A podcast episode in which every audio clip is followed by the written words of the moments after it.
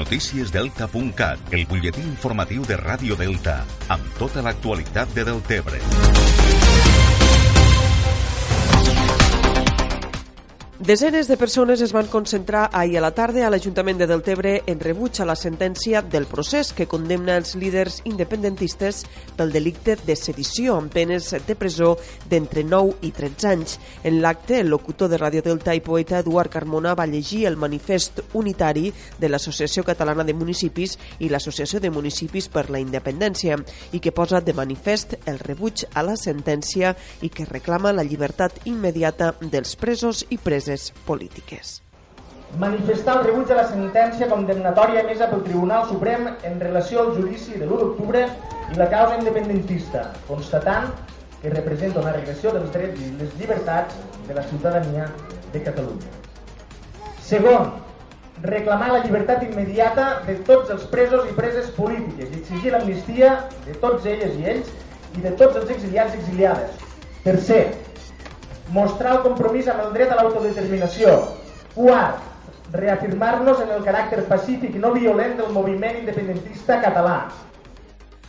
A l'acte hi van assistir els regidors del govern del Nairem del Tebre i d'Esquerra Republicana Més del Tebre, així com membres de l'Assemblea de la CUP a més de desenes de ciutadans. Ahir les protestes van ser generalitzades a tot el territori i la manifestació unitària de Tortosa va concentrar més de 3.000 persones. A més, hi va haver protestes multitudinàries a Amposta o la Ràpita, a més de talls de carretera a la C12 a Tortosa, a la C12 a l'accés a la nuclear d'Escó i per la tarda també hi va haver un tall de carretera a la Nacional 340 a l'Ampolla. La taula per la democràcia, que agrupa partits i entitats independentistes, ha convocat per avui dos actes més de protesta, un a les 7 i mitja al pont de l'Estat de Tortosa i un altre a les 9 al pavelló 1 d'octubre d'Amposta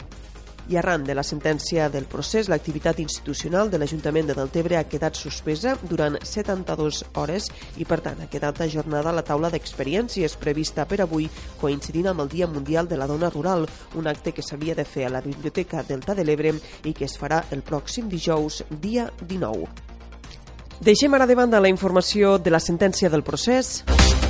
En el marc del pla de lluita contra l'expansió del cargol poma al Delta de l'Ebre, enguany i per primera vegada s'ha instal·lat una càmera de videovigilància al pont Lo Passador, coincidint amb la temporada de la cega de l'arròs i el xafat dels rostolls, per controlar la neteja obligatòria de la maquinària agrícola i evitar la propagació del cargol poma. La normativa obliga a netejar després d'haver treballat en camps d'arròs infectats i tota la maquinària que ha de traspassar des del marge esquerre fins al dret ha de ser netejada, així com també després d'haver treballat en finques infestades del marge dret. La càmera de vigilància que s'ha instal·lat al pont Lo Passador permetrà un control 24 hores i durant tot l'any del pas de la maquinària entre Deltebre i Sant Jaume d'Enveja, amb l'objectiu de poder tindre un millor control de la maquinària que hi circula i que tingui el certificat oficial de neteja. Esta mesura és d'aplicació durant tot l'any, tant en les labors en sec de preparació del terreny com en els tractaments fitosanitaris, l'abonament, la sembra, la recolecció i el xafat de rostolls.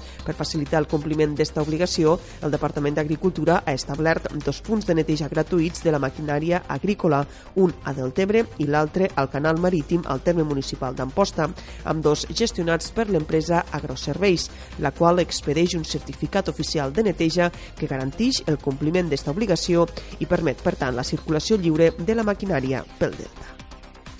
I el Centre Breterra de Deltebre acull esta tarda una taula rodona de la campanya pels sediments en la que hi participaran dos activistes de Guatemala, dos defensores dels drets humans i representants de comunitats assetjades per empreses hidroelèctriques i mineres. Les activistes han estat convidades per l'ONG Farmamundi i en la taula rodona en la que se debatran pràctiques compartides de lluita per les necessitats dels territoris usant l'aigua com a element vertebrador i participaran també membres de l'IRTA, de la Plataforma en Defensa de l'Ebre i de la campanya pels sediments. I per acabar, encara afegim que l'ocupació al sector de la gran distribució comercial ha crescut un 27,5% a les Terres de l'Ebre, l'augment més elevat de tot Catalunya, segons es recull a l'anuari de la distribució comercial que elabora cada any la Direcció General de Comerç. Això és tot per ara. Més informació al portal deltacat.cat.